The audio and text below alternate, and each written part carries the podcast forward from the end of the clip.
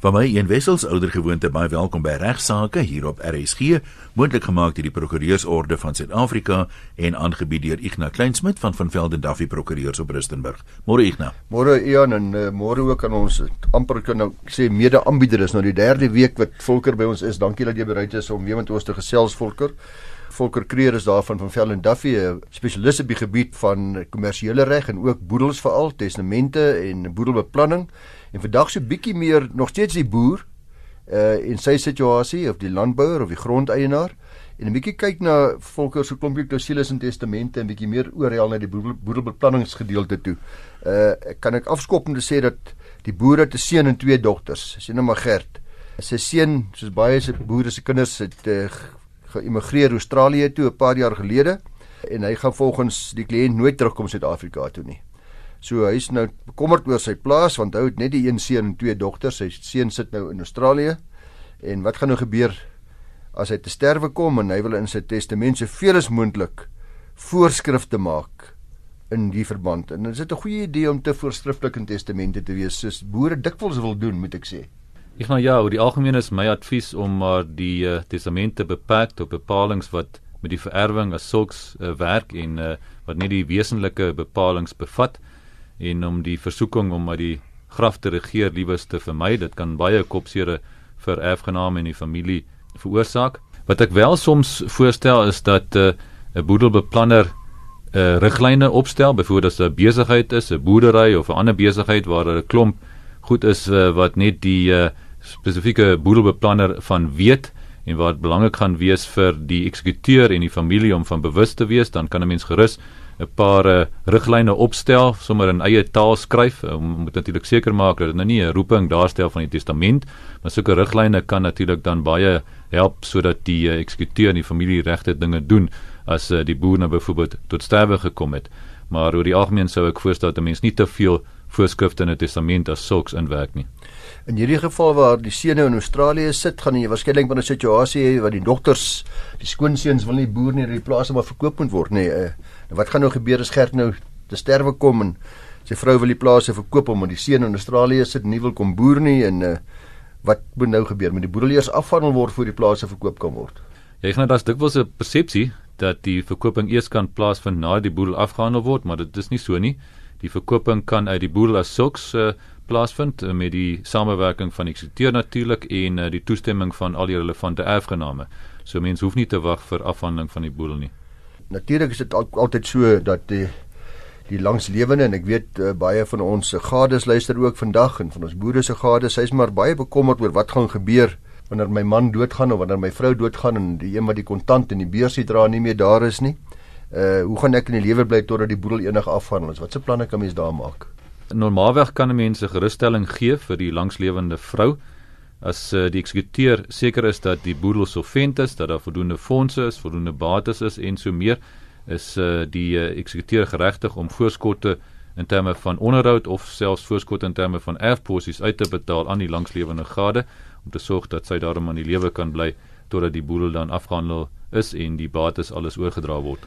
Dit help ook baie as 'n ouer lank pad met jou eksekuteur geloop het, nê, nee, of met die prokureur wat jy gaan gebruik om jou te help in die beredening van die boedel. Definitief as uh, die eksekuteur die persoonlike omstandighede van die spesifieke familie ken, dan is dit uiteraard net soveel makliker vir uh, hom om saam met die familie behoorlik te beplan om seker te maak dat die ontwrigting van die dood so min as moontlik is. Die meer algemene geval, die kliënt, die boer in hierdie geval kinders boer saam met hom, sê maar weer uit 'n seun en twee dogters. En ek kry dit baie gereeld. Daar's een of twee seuns en daar's 'n paar dogters en nou hy natuurlik hê een van die kinders wat saam met hom boer moet daarom nou uh die plaas erf. Maar hy wil dan ook nie vir sy vrou afskeep nie en natuurlik ook nie die dogters nie. Maar daar's net een plaas. Hoe nou gemaak? Dis maar 'n moeilike situasie. Daar's verskeie opsies uh, wat 'n mens kan oorweeg wat mynsiens almal maar 'n paar probleme kan veroorsaak. Een moontlikheid is om dit eenvoudig te hou en te bepaal dat alles na die vrou toe gaan as langslewende gade en eers daarna na die kinders of na die seun of wat ook al die uh, erflater se wens is. Nou die groot voordeel daarvan as alles na die vrou toe gaan, die langslewende gade, is dat dit dan geen kapitaalwinsbelasting en boedelbelasting te sprake gaan wees nie, aangesien dit alles uh, vrygestel is.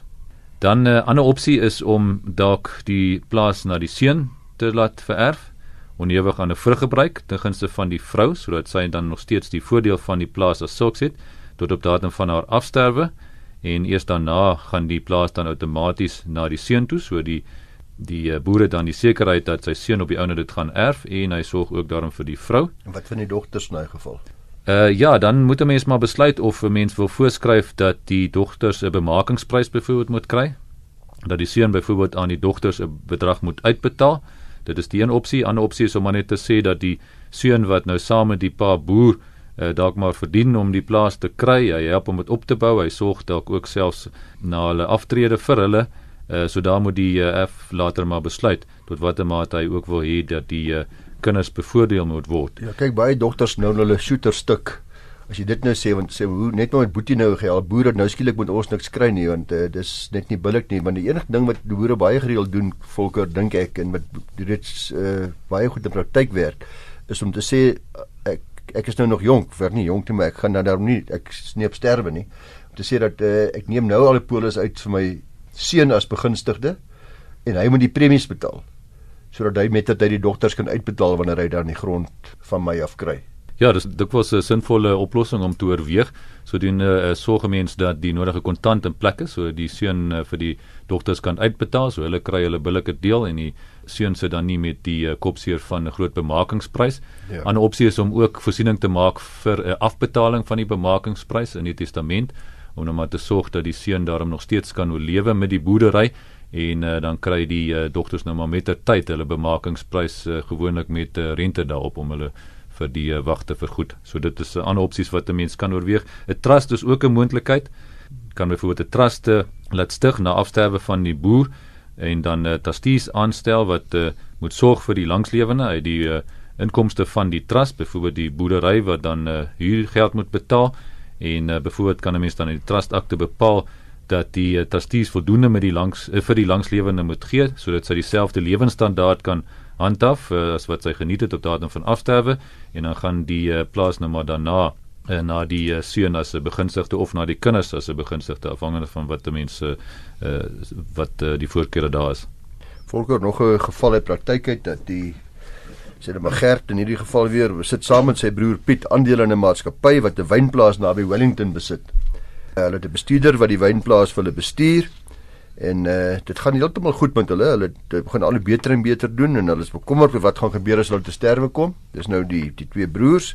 Een van hulle is lus om met uh, die familie, die een se kinders en die vrou en almal is mede aandeelhouers uh, opgeskeep te sit nie. Wat se plan kan hulle maak?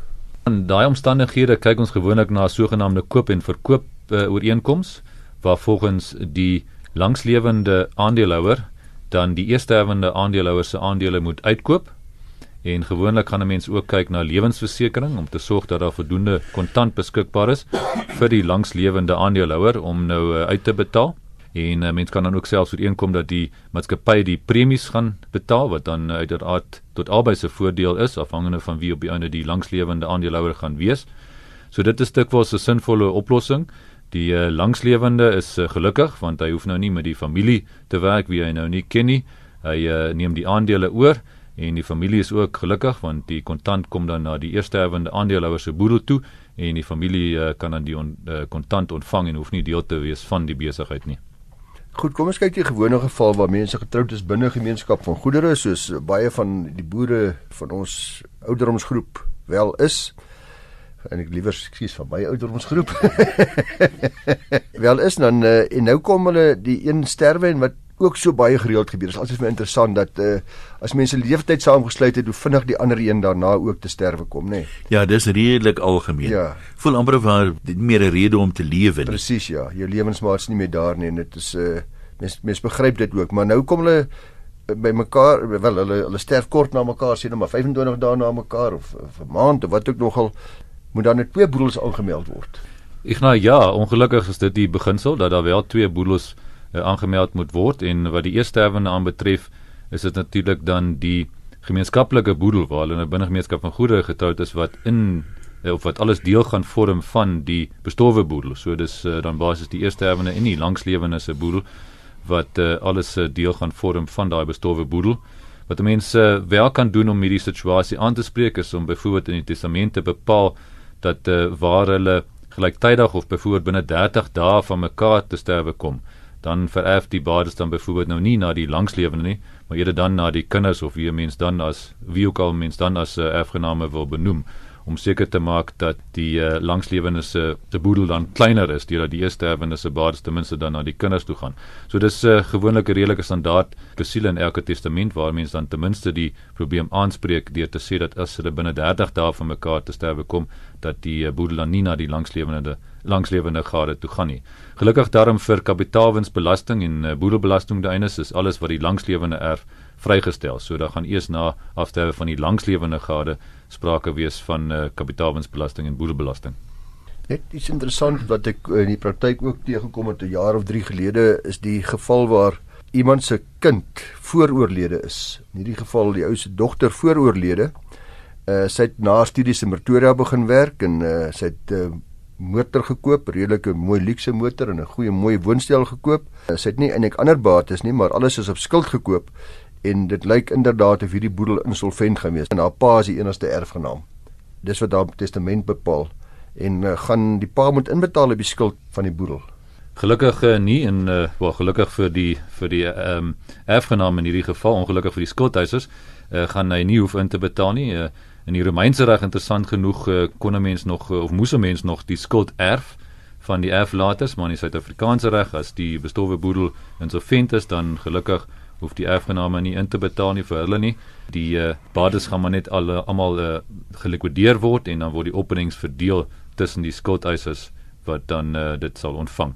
Jy is ingeskakel by RSG en baie welkom by die tweede deel van vandag se regsaake met ons ateljeegas Volker Kreur wat praat oor allerlei regsaspekte wat veral vir boere belangrik is dit gebeur regtig nog gereeld dat mense intestaat erf. Dit beteken sonder 'n testament. Na alles wat ons op hierdie program sê en wat uh, almal nou al weet dat hoe belangrik dit is om goeie beplanning te doen en 'n uh, ordentlike testament te laat opstel, gebeur dit tog nog soms en uh, in hierdie geval het die boer vrou en drie kinders agtergelaat.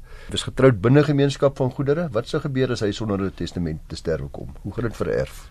Die wet op intestate erfopvolging sal in so 'n geval van toepassing wees as daar nie testament is nie. En daarvolgens is die langslewende gade geregtig op 'n minimum van R250 000 of 'n kunstdeel wat een ook al die grootste een is. So as die uh, kunstdeel meer as R250 000 is en daar's nou 3 kinders, soos in hierdie geval, dan sal die boedelbasis in uh, vier gelyke dele uh, verdeel word.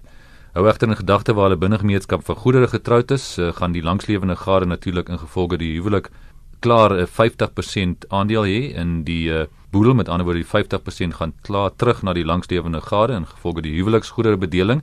So ons praat nou net van die ander 50% wat dan volgens die intestate erfopvolging sal vererf. Kom ons sê net 'n bietjie dit in geval dat die kinders was nou nog baie klein gewees. Hulle is nog onderhoudsgeregtig en die vrou was ook afhanklik van hom gewees. Sy sy sy sy sy het op die plaas vir hom gehelp, maar sy hy moes hy het daarteen vol onderhou.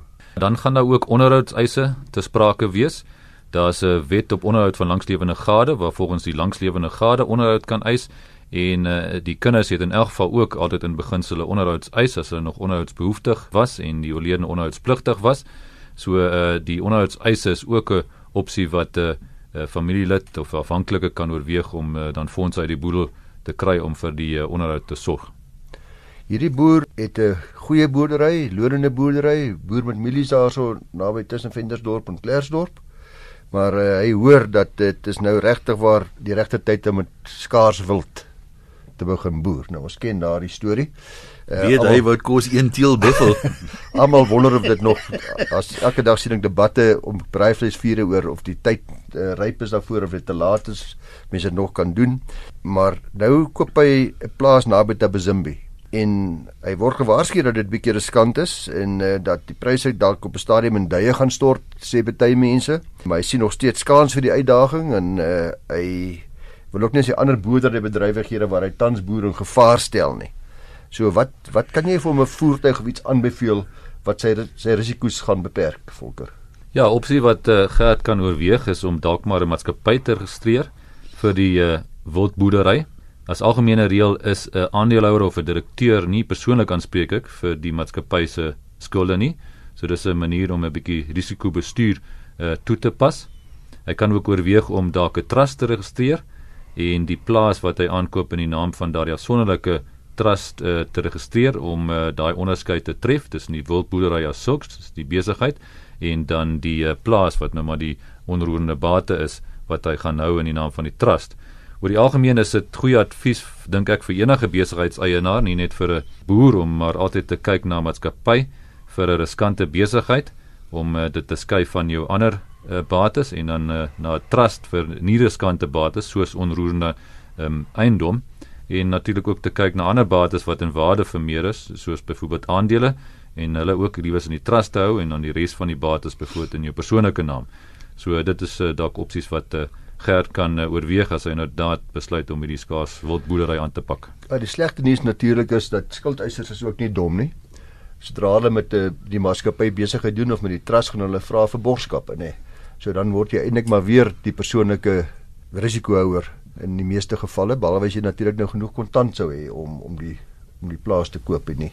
Want uh dis maar altyd 6 en 1 en 'n half sent van die ander, moeilik om van jou risiko ontslae te raak. Ja, vir al jou banke gaan natuurlik veral kyk na die ja. hele risikoprofiel van die uh, van die kliënt en uh, gaan wil seker maak dat hulle soveel as moontlik borgstellings uh, gaan kry van al die relevante entiteite wat uh, gebruik word. Maar uh, daar is tog gewoonlik 'n klompie ander skuldeisers uh, wat uh, nie noodwendig altyd op borgstellings ja. gaan aanbring ja. nie. Ja. Daar's byvoorbeeld ook potensiële eise wat kan ontstaan sien maar jou werker uh, ry iemand dood of wat ook al en daar's 'n groot eis wat 'n aanleiding daarvan ontstaan dan is dit ten minste ook daai beskerming dat dit nie die maatskappy is as sulks wat dan die werkgewer is van daardie werknemer wat dan middelik aanspreeklik gaan wees en nie jou trust of jy persoonlik nie. Die boer kom te sterwe. Sy enigste seun erf sy plaas. Maar ongelukkig het die seun intussen bietjie begin kuier en dit het nie te goed gegaan met hom nie en hy uh, op die stadium wat die boer te sterwe kom is sy seun insolvent. Wat gaan met die plaas gebeur? Daardie plaas gaan ongelukkig vir die seun en die boer inderdaad deel vorm van die insolvente seun se boedel. So dit sal dan onder die skoteisers uh, verdeel word behalwe as daar 'n klousule is in die testament van die 'n boer waarvolgens hy bepaal dat die seun in so 'n geval nie sou erf nie. En dis eintlik 'n standaard klousule wat ek sou aanbeveel in elke testament bo te staan so om vir die insolventie van 'n erfgenaam voorsiening te maak. En dan kan 'n mens byvoorbeeld in daardie klousule bepaal dat die erfposie na 'n insolventie trust toe gaan en dan uh, word die bates deur die trustees in ontvangs geneem en bewaar totdat daardie insolvente erfgenaam weer gerehabiliteer is. Soos 'n uh, heel wettige manier om te sorg dat die erfposie nie in die hande van die skothuisers uh, val nie en nie in insolvente of nie deel vorm van 'n insolvente boedel nie. Net iets oor alleen mandate ook volker uh, waar boere des dik dikwels alleen mandate gee vir uh, eiendomsagente wanneer hulle plase verkoop. Is dit 'n goeie idee? Alleen mandaat het dalk die voordeel dat die agent meer moeite gaan doen as uh, andersins waar hy maar net 'n mandaat ontvang saam met 'n klomp ander uh, agente. Aan die ander kant uh, is 'n nadeel is uh, dat uh, as daar meer agente is, is die kans dalk beter dat uh, die agente vinnige kopers sal kry. Elke agent het maar sy kontakte, het maar 'n klomp potensiële kopers. So ja, mens moet maar besluit as jy agent uh, baie goed ken en jy het baie vertroue in sy bekwaamhede, dan is dit uh, dalk oorweging om maar alleen mandaat te gee sodat hy waarskynlik meer geld gaan spandeer aan advertensies en so meer in jou plaas behoorlik te bemark maar andersins sou ek uh, nie met alleen mandate werk nie andersins sou ek maar liewers uh, vir soveel as moontlik agente 'n mandaat gee. Maar jy kan ook in jou alleen mandaat kan jy sekere terme en voorwaardes stel wat sê dit beteken dat jy moet minstens 3 keer in 'n land beweegblad adverteer in die volgende 6 maande. Wat ek nogal, jy kan sê presies watter uitgawes aangegaan moet word en hoe gereeld daar uh, geld spandeer moet word om hierdie plaas werklik behoorlik te bemark.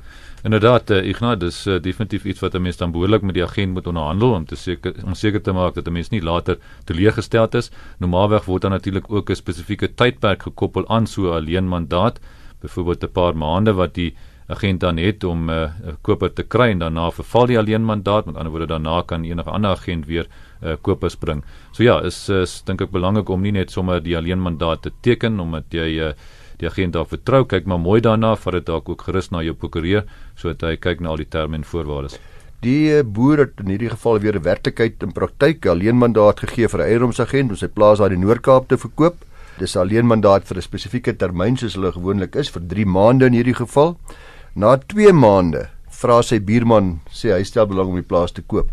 Maar uh, buurman het by 'n braai wat hulle gehad het 2 3 weke voor die tyd het hy gehoor dat die plaas te koop is en dat uh, dat daar 'n moontlikheid is dat uh, hy die plaas kan koop en onthou nou die agent het hier geen rol gespeel nie maar die agent het wel alleen mandaat gehad terwyl die transaksie eintlik tussen die twee boere self beklink is wat gaan nou gebeur gaan hy gaan hy kommissie betaal Ja, ek, nou, ek dink dit hang maar af van die bewoording van die alleen mandaat. Die vraag gaan wees of die bewoording ook die eienaar onneem van sy beskikkingsreg om self die plaas te verkoop. As dit die geval is, dan uh, dink ek sal daar wel sprake wees van 'n kommissie eis. Uh, Daar's 'n saak uh, Mendes uh, teen uh, Ermelo Eiendomme en Verhuuringsagente wat in 1995 gerapporteer is wat daardie beginsel bevestig het. Maar ja, die normale alleenmandaat gaan eintlik nie so bewoord wees nie. Uh, die normale alleenmandaat gaan nie beteken dat die beskikkingsreg weggeneem word van die eienaar, met ander woorde hy sal ook nog self uh, kan verkoop. Uh, daar was ook 'n ander saak wat ek daar kan noem, daar is uh, the First uh, Investment Limited teen Levy uh, Brothers uh, Estates wat in 1984 uh, gerapporteer is. Daar die hof beslis op die feite dat die uh, verkoper nie net 'n mandaat gegee het nie, maar het ook 'n volmag gegee om die kontrak namens die verkoper aan te gaan. Uh, met ander woorde die verkoper het dus afstand gedoen van sy reg om self die eiendom te verkoop en dan uh, is daar natuurlik uh, altyd sprake van kommissie. Iets wat ook gereeld gebeur, uh, jy's 'n trustee in jou trust en jy's bekommerd oor wat met die trust gaan gebeur by jou afsterwe en gewoonlik sal 'n trust akte bepaal dat die oorblywende trustees kan 'n nuwe trustee aanstel. Die vraag is kan ek in my testament nou voorsiening maak vir wie my gaan vervang as trustee in die trust? Ja, slegs as die trust akte vir daai reg gee. Trust akte sal normaalweg vir 'n oprigter en selfs uh, soms uh, van die ander trustees die reg gee om hulle testament vervangende trustees te benoem en in so 'n geval kan die trustee dit natuurlik so in die, in die testament uh, bepaal. Maar as die trust akte nie daardie reg vir 'n trustee gee nie, dan uh, kan hy nie voorskryf nie. Volker iets wat uh, jy weet jy's nou doen 'n baie boedel sal weet 'n groot probleem is by afsterwe is daar dikwels 'n geskarrel by testamente soek. Alles is weg of sekere dokumentasie kan dit nie gevind word. Jy weet nie waar die bates is nie en ons weet nie waar die transportakte is nie ensovoorts. Almal soek en dan uh, moet daar met ten groot koste aansoek gedoen word vir duplikate van dokumentasie of uiteindelik sterf die persoon in testaat. So die vraag is waar moet 'n testament gebeere word? Wie moet afskrifte hê? Wie moet almal toegang daartoe hê? Ja, ek nou as uh, prokureur die testament opstel, dan gaan hy maar altyd daai testament in veilige bewaring hou in 'n brandvaste kluis in uh, sy kantoor. So daar kan 'n mens uh, met gerusheid weet dat dit uh, veilig is. Uh, normaalweg gaan 'n mens ook belangrike dokumentasie soos uh, transportaktes daar in veilige bewaring plaas, so hulle is dan ook dadelik beskikbaar. Wat 'n mens natuurlik ook kan doen is om ander belangrike dokumentasie bymekaar te maak en uh, saam met die testamente berde, as dit nou net afskrifte sodat uh, mense al die nodige inligting beskikbaar het sodra iemand tot sterwe gekom sodat die boedelberedingsproses behoorlik uh, aan die gang gesit word. Wat baie mense ook maar doen is dat hulle by die huis erns 'n leer het waar hulle afskrifte hou van die testament en ander belangrike dokumentasie van uh, polisse, uh, banke rekeningnommers um, en so meer en dan maar vir hulle erfgename sê van daardie leer sodat uh, die leer dan dadelik beskikbaar is van iemand tot sterwe kom en al die inligting daai bekom kan word. Ons sal sou stadig gaan moet begin saamvat. Slotopmerking Ignou, kontakbesonderhede dalk Volker? Ek dink uh, voordat Volker sy kontakbesonderhede gee, as ek net so na Volker luister die afgelope paar programme Ian en luisteraars, dan sê mense net weer mense werk 'n leeftyd daaraan om jou plaas op te bou en jou boedel op te bou en om iets na te laat vir jou vir jou geliefdes en dan kom jy in die einde en dan jou testament nie in orde nie want jy beplanning nie reg nie. En dis dikwels omdat mense bang is dat prokureurs te duur is. Ek kan maar net die versekering vir almal gee dis deur en deur die moeite werd. Dis nie so duur as wat mense dink nie, veral nie as jy goed mooi netjies in orde is nie. Gaan maar na gaan sien gaan sien jy prokureur in die gebied, 'n goeie spesialis en maak seker dat alles in orde is vir die dag wanneer uh, jy nie meer daar is om self te kyk na na jou kinders en jou kleinkinders en jou vrou nie. Volker baie dankie mense wat jy wil kontak, kan jy e-pos stuur? My e-posadres is volker@vir.co.za. Dan sê ek sê baie dankie.